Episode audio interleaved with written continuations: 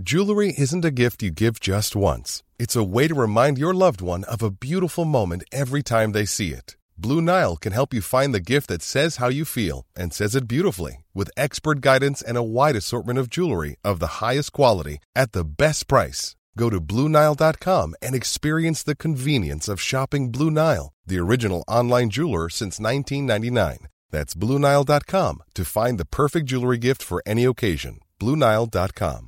Hey, I'm Ryan Reynolds. Recently, I asked Mint Mobile's legal team if big wireless companies are allowed to raise prices due to inflation. They said yes. And then when I asked if raising prices technically violates those onerous two year contracts, they said, What the f are you talking about, you insane Hollywood ass?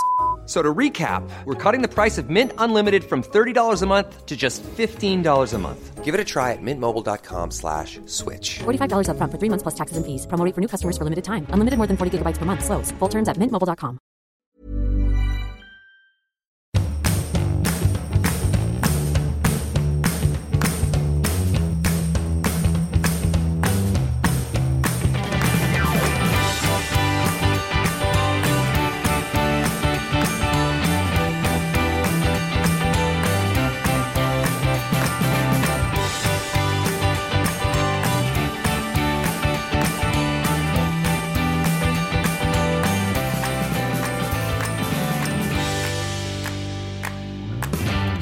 du ser lite upprörd ut.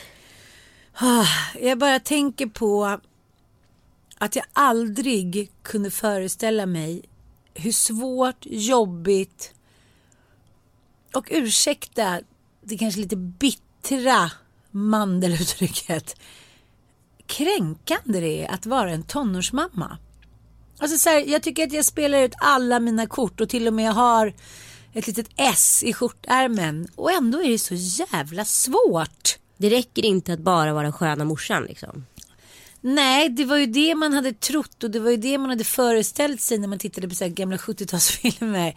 Tjena morsan, jag drar till skolan nu med moppen. Man bara okej, ta en limpmacka och lite kall choklad typ. Tira. Men, så...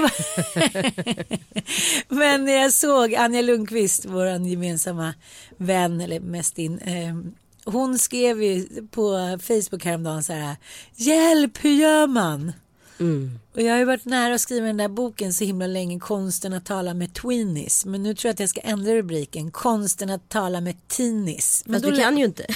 Nej jag vet, det, det vore den. bra att lära sig. Det är så jag erövrar mitt liv. Men eh, då läser man ju böcker såklart då. Och eh, Jesper Juhl tycker jag är bra.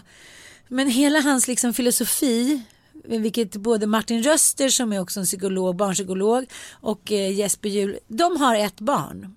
Och förlåt att jag säger så här, men eh, Ja, skomakarens barn liksom. Jag tycker det känns lite samma sak. Har man, alltså ett barn är liksom, det går alltid att erövra på något sätt. Eller det är inte klart att det gör, men, men när man har fler barn och alla är i en utvecklingsfas. Bobban är ju nu i en bebisfas. Han har börjat med napp. Han har börjat med att dricka ur nappflaska. Jaha, för nu tycker vi att Tom ska sluta med napp. Ja, men nu börjar han. Ja, okej. Han är lite senare. Ja men det är för att brorsan ska komma så vi har ju de här attiraljerna hemma Ja, och han nu har är det hans. reviderat helt Ja det är min napp. Mm. Ja men nu blir det väldigt mycket så här snacka runt vad det är vi ska prata om. Berätta. Jo men så här är det. Jag eh, tycker att min då 14-åring inte riktigt har förstått allvaret i det här plikttrogna. Och det har ju jag sagt till dig förut att jag tycker att vi 70-talister är den sista plikttrogna generationen. För vi har haft mor och farföräldrar som liksom är uppväxta i fattig-Sverige. Det är så här, var rak i ryggen, hel och ren. Alltså man säger, man, Var inte för sen. Nej, man dukar, en, man dukar under Mm. före man inte går till jobbet.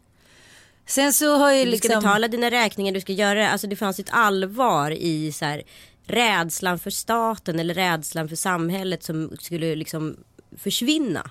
För att få vara med i För byagemenskapen, att för, få vara med i utan den var man ingenting. Precis. Och nu är man ju det, tror jag, via sociala medier på ett helt annat sätt. Man är liksom en chimärby.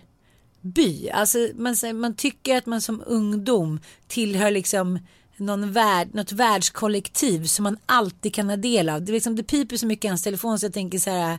Men du kanske skulle kunna vara en så här väckarklocka till folk. Pip, pip, pip, pip, pip, pip, pip, pip. Ja men det är chattar, det är hit och dit, det är fram och tillbaka. Och nu är äntligen skolsystemet så här slagit igenom att man, eh, ja, en ny lag då att man får förbjuda mobiltelefoner. Varför tog det så lång tid? Mm. Bort de där jävla telefonerna från Helt skolan. sjukt. Alltså, hela jag kan inte tänka på- tanken att vi skulle få ta med oss en telefon in. Jag hade telefon på den tiden men jag fick, skulle jag aldrig få ta med den in. Jag skulle inte ens finnas i min sinnesvärld att ta med den in. Jag fick en örfil av fröken Barbro när hon trodde att jag gjorde en grimas till henne en gång när jag gjorde det till min kille Kristoffer. En örfil och blev utslängd. Det här är inte 1833. Nej. Tror hon blev anmäld eller något? Nej. Nej, utan min mamma ringde till henne och liksom var så här, nu får du be Anson om ursäkt. Och det tyckte alla var så här, ah, min mamma stod verkligen upp för mig. Men problemet... Idag så bara, you're in jail. Ja, ja, gud. Ja, men problemet är ju att blacklisted vi har ju förskjutit problemet. Alltså, jag tror att det kommer komma. Jag vet att de så här, populäraste skolorna i Stockholm det är de som typ har så här, ordning och uppfostran och liksom ansvar.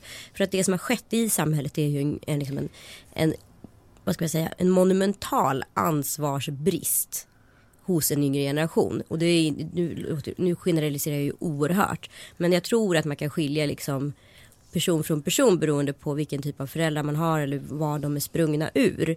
För att det som samhället har skapat med att skapa så mycket, vad ska jag kalla det för, förbud och förhinder och risker och allt möjligt mot föräldrar. Det är också att vi hela tiden känner oss i skuld till våra barn. Så vi vågar ju inte heller riktigt sätta ner foten till våra barn och sätta gränser. Alltså det läskigaste ordet som finns Eh, sitter hemma hos Ann, det är därför hon kan tillåta sig att sörpla. Och det, det, det, det läskigaste ord som finns att säga till sitt barn är ju just nej. Och vi, gör ju väldigt, vi kan ju säga, det är ju ungefär som förr i tiden när vi pratade om i en annan podd att vi hade så problem med att våra föräldrar uttryckte kärlek, ordet jag älskar dig, det var så otroligt kraftfullt. Eh, ordet nej idag är ju det ordet som vi undviker mest. Lika mycket som vi förr i tiden undvek ordet kärlek eller älskar dig. Är inte det intressant?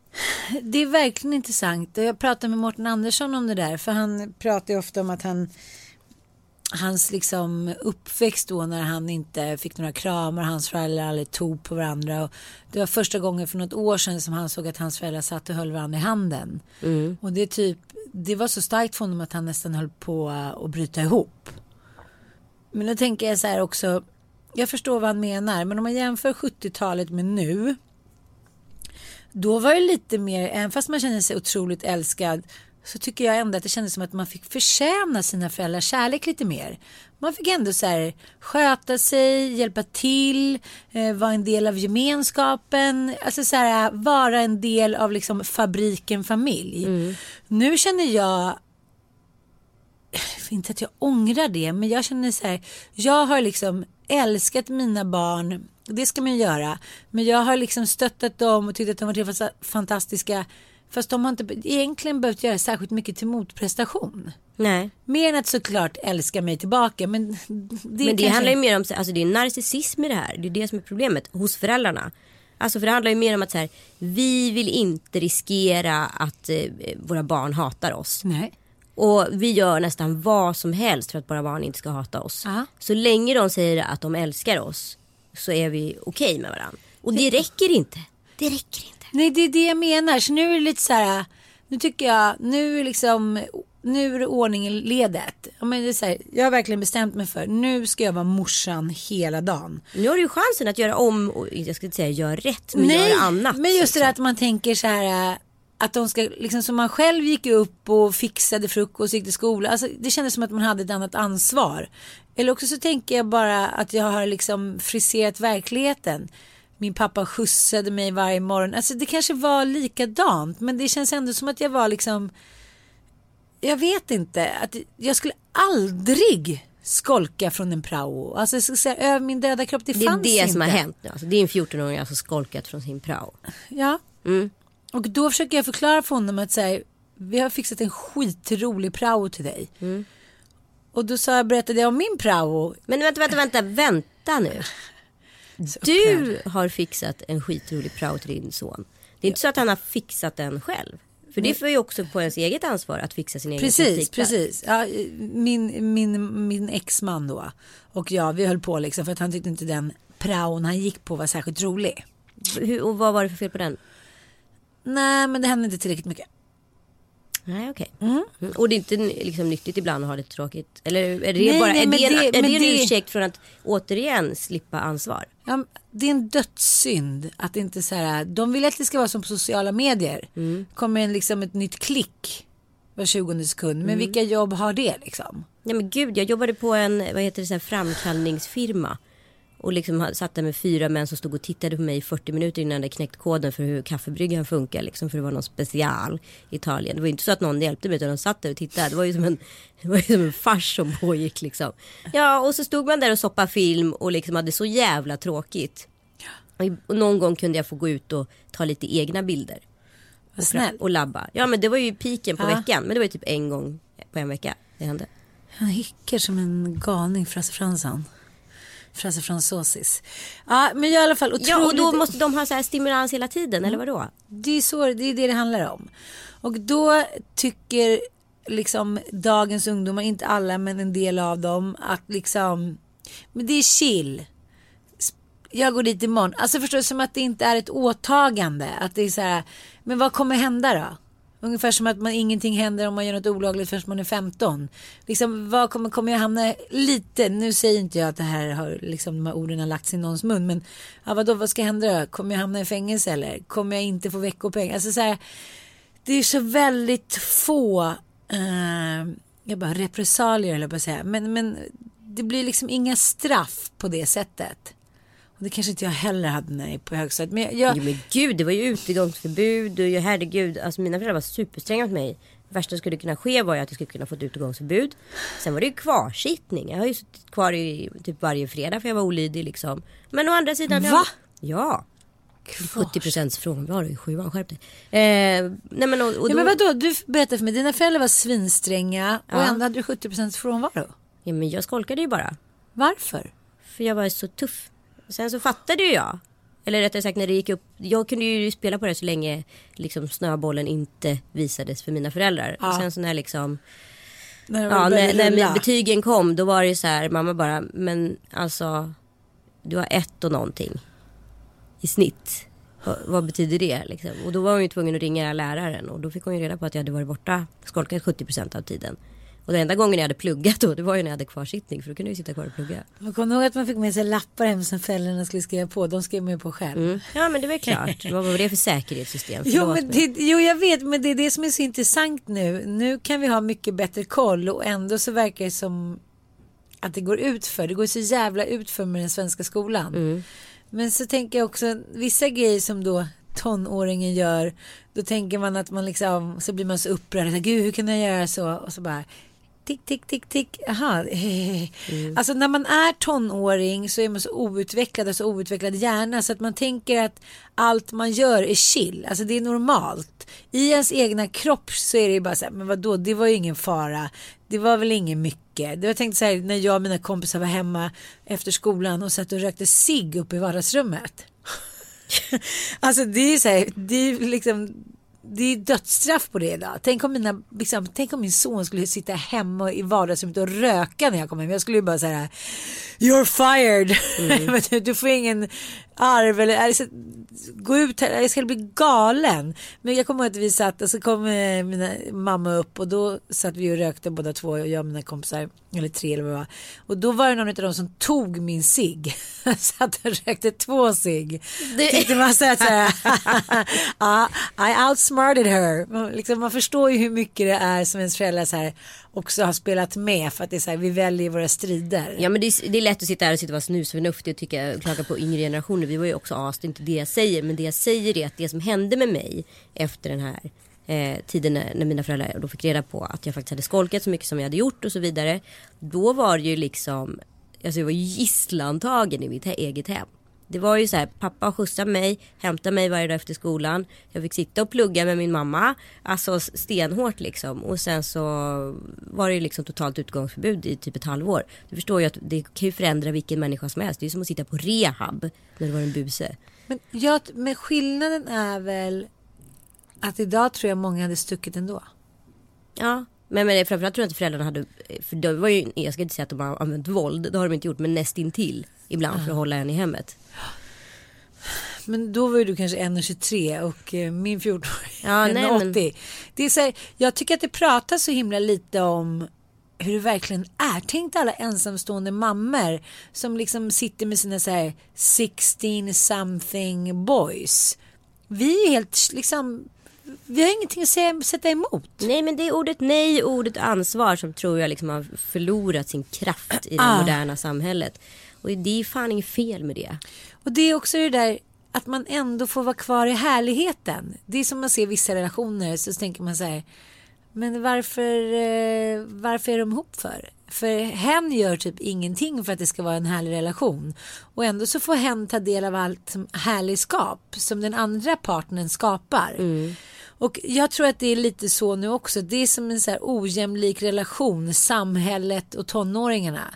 Att tonåringarna behöver liksom inte göra en motprestation. De får ändå, de får ändå komma till skolan, använda det lite som lunchrestaurang, de får ändå träffa sina polare, de får ha sina lurar och de får ha sina sociala medier och de får bete sig lite hur som helst och ditten och datten. Och ändå så får de liksom vara kvar. Hur många är det som blir relegerade idag? Nej men det är väl inte speciellt många. Nej men finns det ens? Förut var det så här, ett litet misstag, you're out for typ fyra månader. Nej men det såg du väl också betygssystemet att det är så här sämst liksom vad ska jag säga, deltagen någonsin i skolan men ändå är betygen som högst. Alltså det, Ja, det går ju det är något som är jävligt shady. Liksom. Något är jävligt shady. Ja. Och så blir man så här då. Eh, man blir liksom kidnappad av sin egen situation. För lite så nu. Då är aha, då måste jag släppa allt. Återställa då någonting. Men se, dels är det så här. Hur det än är så måste jag tjäna pengar. För jag måste liksom ta hand om mina barn. Och kunna så här bring home the bacon. Och då förutsätter jag att så här. Att min 14-åring ska vara mer mogen än min 2,5-åring. Och så verkar inte riktigt så vara fallet. Och då är det lite så här. Okej. eh, Ja, jag vet, inte, jag vet inte riktigt hur man ska göra. Små barn, små problem. Hjälp stora mig. barn, stora problem.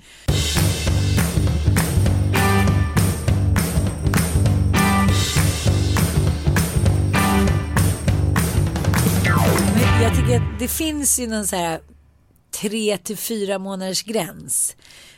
Då kan man fortfarande vara väldigt nykär och pippa som kaniner hit och dit. Men när den där filmkänslan försvinner. Jag träffade Mattias 23 maj. Sen var jag i och för sig gravid den 30 augusti. Men, men det visste jag ju inte direkt. Och så säger liksom mitten av september ungefär. Då. Men eh, så att vi hann, han var ju bortrest i USA och vi hann inte träffa varandra så himla himla himla många gånger kanske. Men eh, just det där när man gjorde så här galna grejer, när man var övermänsklig. Eh, jag kommer ihåg, vi var lite uttråkade någon kväll så satte vi oss ner på Mäster Anders som ligger på Kungsholmen och jag hade en blå anorak med vita prickar inuti och han var så här, ja men härlig och skäggig som han är. Och så satt vi bara där och drack massa champagne, så kom det förbi lite folk och hit och dit. Sen gick vi hem och så hade vi sex i fönstret samtidigt som jag rökte ut genom fönstret.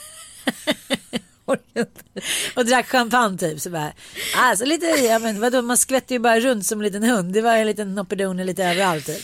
Men med såna grejer som man tänker sig nu. Om jag kom hem ikväll och skulle så här, dricka lite skumpa med honom för att få ut bebisen och ställa mig så här i fönstret och han typ satte på mig bakifrån. Det är så här. Det känns som att det var 263 år sedan. Nej men alltså förstår du att jag kallar så här typ hade sex på väg från trapphuset upp till våra lägenhet på andra våningen. Kunde inte låta bli. Kunde inte låta bli. Alltså där skulle det sättas på och sen så liksom eh, skulle det också sättas på ner i tvättstugan och allt möjligt vad det var. Alltså, jag, alltså jag blir så jag blir så full i skratt när jag tänker på att jag skulle göra det nu. jag skulle välja, skulle inte ens, det är, inte, det är så långt ifrån top of mind så det var Du skulle bara, men är du galen? Är du sjuk Ja. i huvudet? Vad fan är ditt problem? Alltså, det är så roligt. Det där tycker jag också är så sorgligt för ibland försöker ju männen eller kvinnorna så här, toka till sig lite kan vi också se så här absurda scener, komiska scener i filmer att det är så här nu ska vi vara som när vi var 22 så kommer killen in i någon liten, ja, inte vet jag utstyrsel eller någon överraskning och så är kvinnan eller mannen så här förstår inte ens språket längre. Vad är det för kärleksspråk? Det känner inte jag igen. Det är serbokratiska. Ja. men så tänker jag så här. Ja men kom du ihåg alla de där sexleksakerna som vi fick? Jag har aldrig sett dem. Nu måste du ha tagit de, de eh, ligger i min garderob. Du kan få, för de ligger bara oöppnade häromdagen. Då hittade, jag då hittade ju Bobo, den ligger i en låda som, så tog han så här, det är mammas. Nej. Jag bara, jaha, Nej, men jag har ju aldrig, jag bara tycker så att det är så sorgligt. Det ligger liksom golden och bla bla bla när man ska ta en kräm och det är handklovar och det är så här siden ögonscarf hit och dit. Och det ligger där lite som en så kvarleva från 67. Då tänker jag så här, ja, någon dag ska vi hitta tillbaka till det där, eller vi har ju inte ens börjat höll jag på att säga. Men det är väl det som händer att vi blir gravida så snabbt så att då helt plötsligt kommer vi behöva hitta, då ska vi hitta så här Jaha, eh, nu ska vi bli snuskiga. Alltså jag tänker ofta att den första tiden sätter så mycket prägel på hur relationen blir sen. Och särskilt också så här, vadå ska jag helt plötsligt nu visa att jag är så här sadomasochist? Alltså Alltså, det är det som blir så konstigt. Det jag menar, man måste kanske ha med sig det Ja. från början. För jag är också så här, den där, eh, öppna den där liksom akten utav att så här, blanda in sexleksaker. För mig är det, alltså det finns en sån otrolig tröskel i det.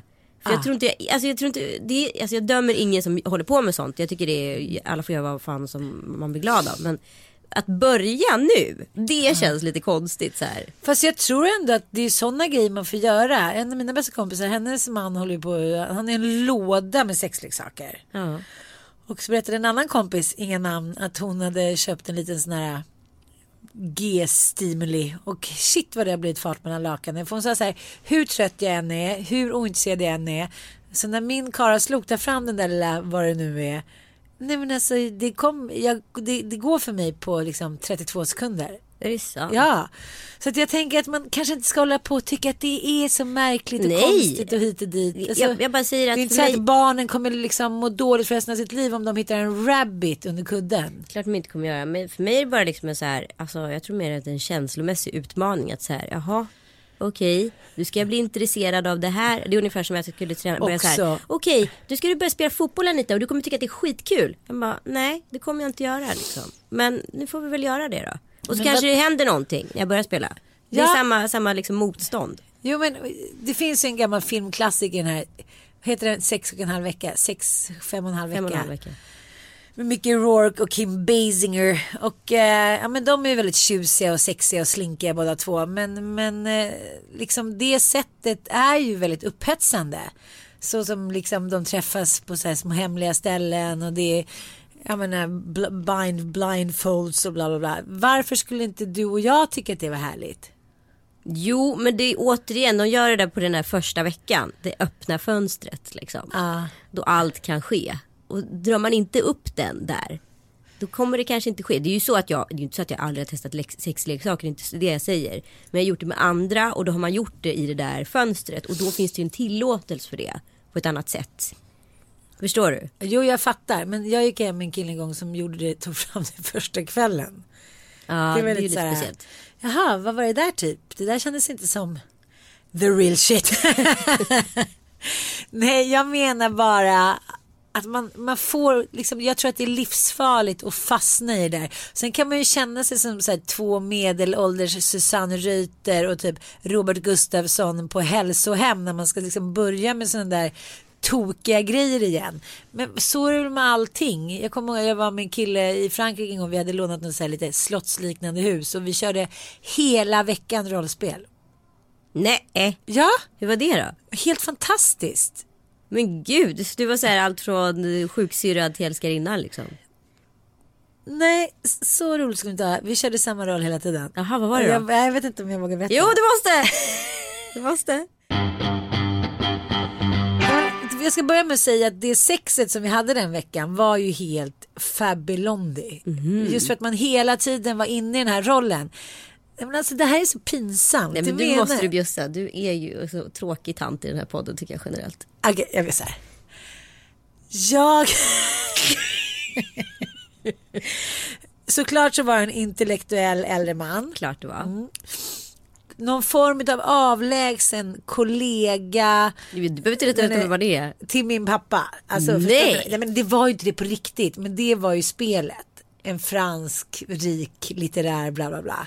Som då hade kidnappat mig. Nej men sluta. Så det var kidnappning. En veckas tid. och den här då äldre mannen. Ja, men jag, något säger, jag vet, men det var ju Lolita och liksom. Du måste ju berätta om något som hände. Åh nej, nej, jag kommer inte över mig. Jag försökte, gick det ut på att du skulle rymma eller gick det ut på att du skulle här, vara kidnappad och ha en sexslav? Ja, mer åt det hållet. Ja. Och, eh, Du ville kommer- inte rymma alltså? Nej, jag ville absolut inte rymma. Den här äldre mannen var mycket härlig på många sätt. Nej, men eh, nu kommer jag, eftersom jag redan har börjat flåntigt och min man inte lyssnar på min podd, så ska jag också berätta den mest pinsamma grejen av alla. Oh.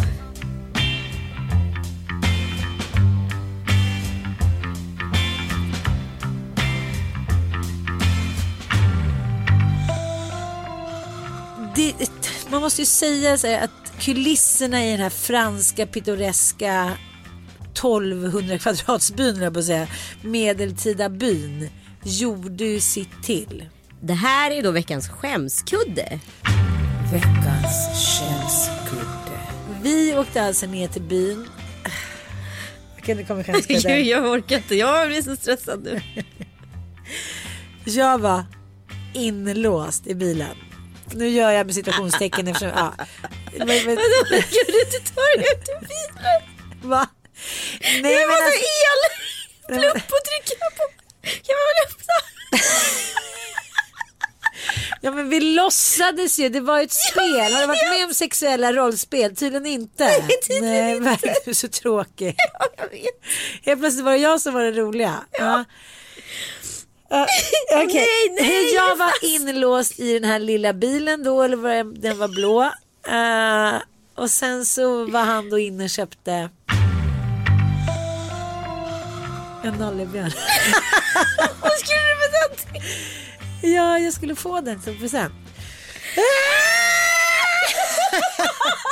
Så jag. Du är så dirty. Alltså du är så dirty. Jag, orkar Jag vet, vad har du tagit vägen? Hur som helst så saker och ting som ha, har framstått som men, lite tokiga, normala, i isolerad form framstår ju som helt bizarra i icke-isolerad form. Det kan vi konstatera. Verkligen. Men Men, ja, jag- men då, där och då är det ju helt naturligt. Ja! Ja. och därför förstår man också Hur galenskap kan funka. Ja, och hur snabbt det kan gå. Mm. Nu tycker inte jag att det här var ju liksom som du säger så här, det var ju två friska människor som gjorde det här medvetet för att få en liten extra krydda in their sexy life. Men eh, jag kan ju förstå att saker och ting går ut för som för Michael Hutchins till exempel och Paula Yates att så här, nu ska vi vara lite tokiga åka iväg på hotell typ och så här, dricka massa nu råkar vi ändå skumpa. så här, ta massa substanser som tillämpar det här. Ja, och då liksom verkar förmodligen allting normalt. Så här, nu får du ha höga klackar och vara tjej och jag binder dig och stoppar i ett äpple i munnen på dig. Alltså förstår du vad jag menar? Att det snabbt kan gå ut för.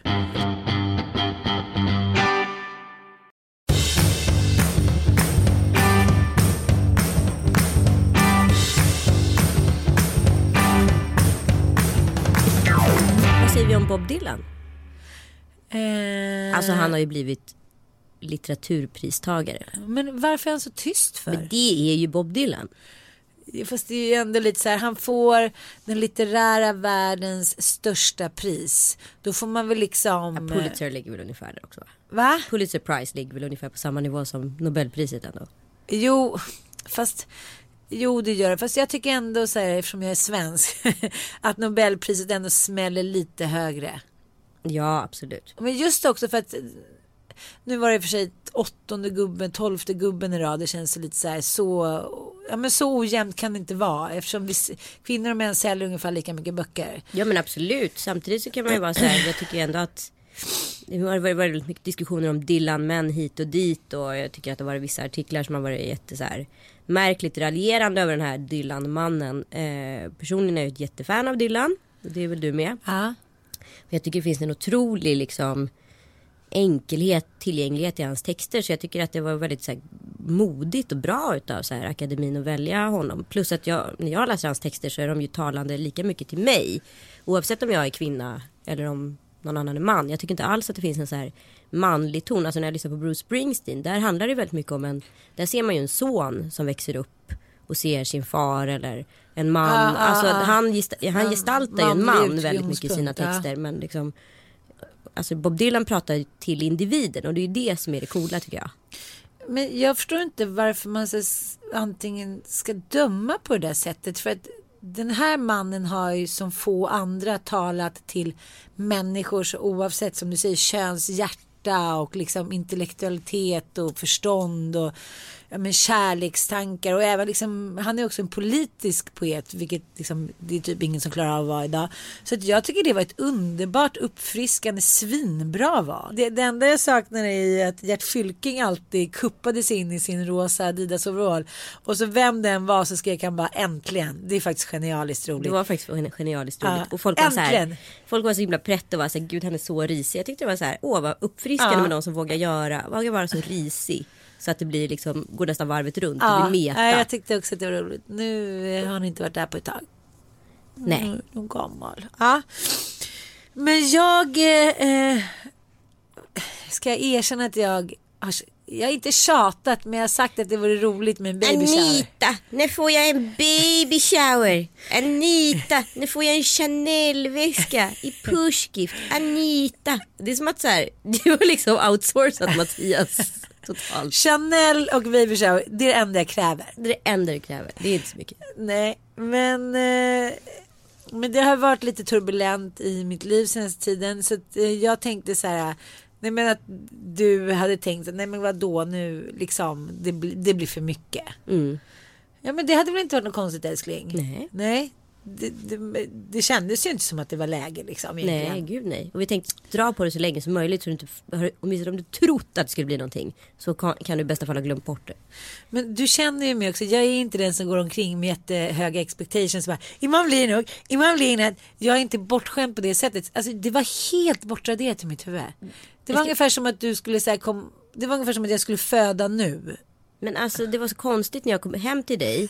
Jag och Sanna då kommer hem till dig. Så Mattias släpper in oss. Han är ju så exalterad med de här pigga glada ögonen som bara han kan ha. Hej, hon ligger där inne, hon sover. Jag bara va? Sover hon? Alltså, han, du går ju och öppnar dörren, vi ringde ju på.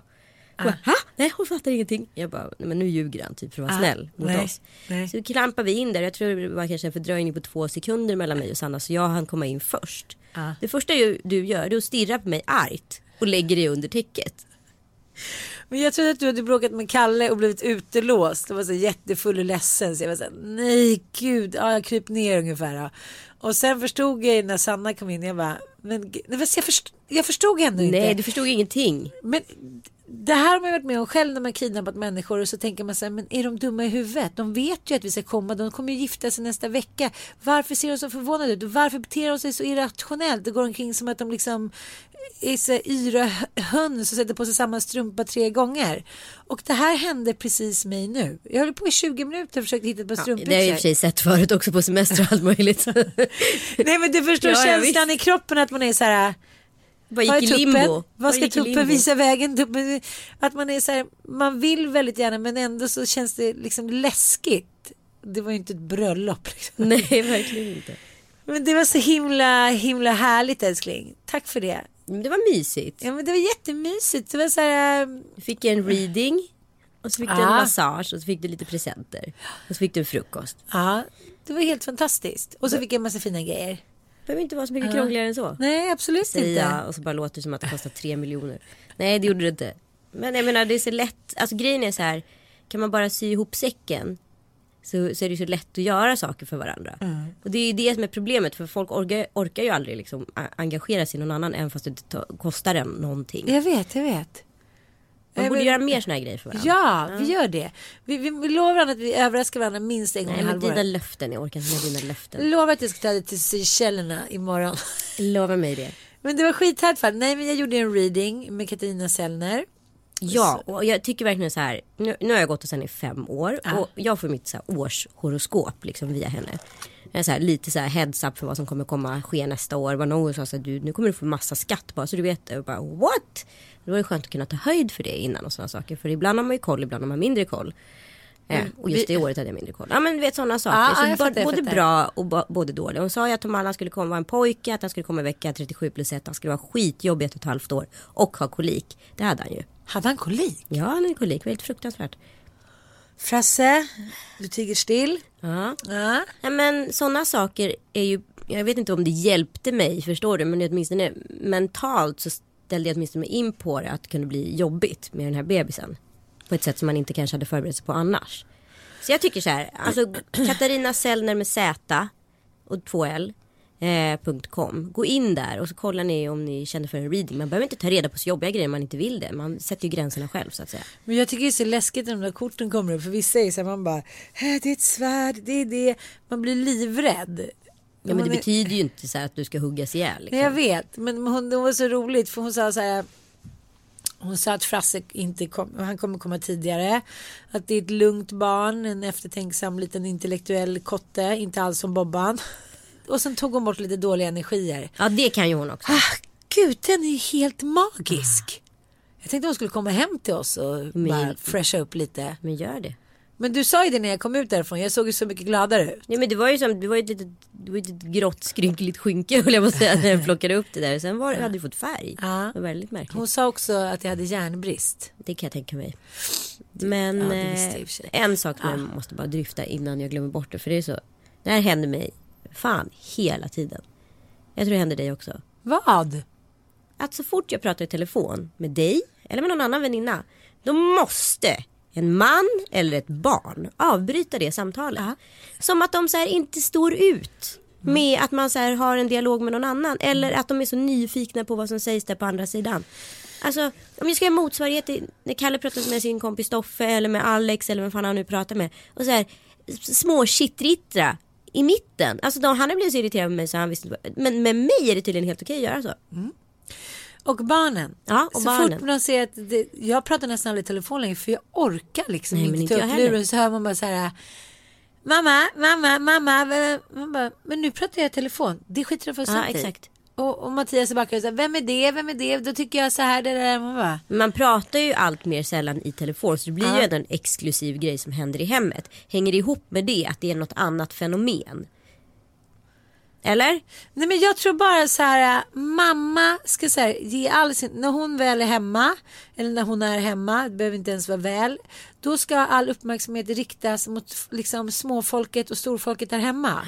Och så fort man då vill ha lite tid för sig själv eller visa att man bryr sig om sig själv, då är det någonting per automatik magical som händer i deras inre. Att det är så här, nej nej nu sätter vi igång, nu börjar vi bråka, nu börjar vi bla, bla, pocka på uppmärksamhet eller låtsas att vi inte hittar någonting. För att mamma ska vara med oss. Men alltså jag pratar med så många kompisar om det där, det är någonting som är så här, det är som en magisk gräns. Men det är helt sjukt att jag Ingen inte bryr sig ett- om en. Det exklusiva samtalet får inte äga rum. Liksom. Ja, nog om det. Tack för idag. Tack för att ni lyssnar. Eh, vi är så glada för alla våra fantastiska lyssnare. Och det Vi älskar är er. Liksom inte, det är biljetter kvar till eh, december men faktiskt inte supermånga. Och det är ju liksom en show. Ni ska inte tro att det är en podd. Det är det jag också vill understryka. Nu har det framställt lite som att vi ska livepodda. Så är det inte alls Nej, nej, det. nej. det, det den, kommer, den kommer spelas in men den kommer inte sändas som en podd. Nej, och den kommer kanske åka ut på turné i vår också. Man har Så det är en show med musik, dans, skrittskratt, sketcher. allt, som en, allt som en bra show ska innehålla. Ja, så ni ska inte tro att ni ska behöva betala lite pengar och eh, gå och sätta er och lyssna när vi sitter framför varsin mick. För det kommer inte hända. Det kommer väl också Nej. hända fast inte i, i sittande form. Nej, men 7 december är det alltså klockan 19 på Intiman. Ja. Och ni går in och handlar biljetter på Showtick. Showtick. Först Show och så tick med bara C, inte K på slutet. Ja, Först till kvarn. ja, vi ses där. Puss puss. Puss puss.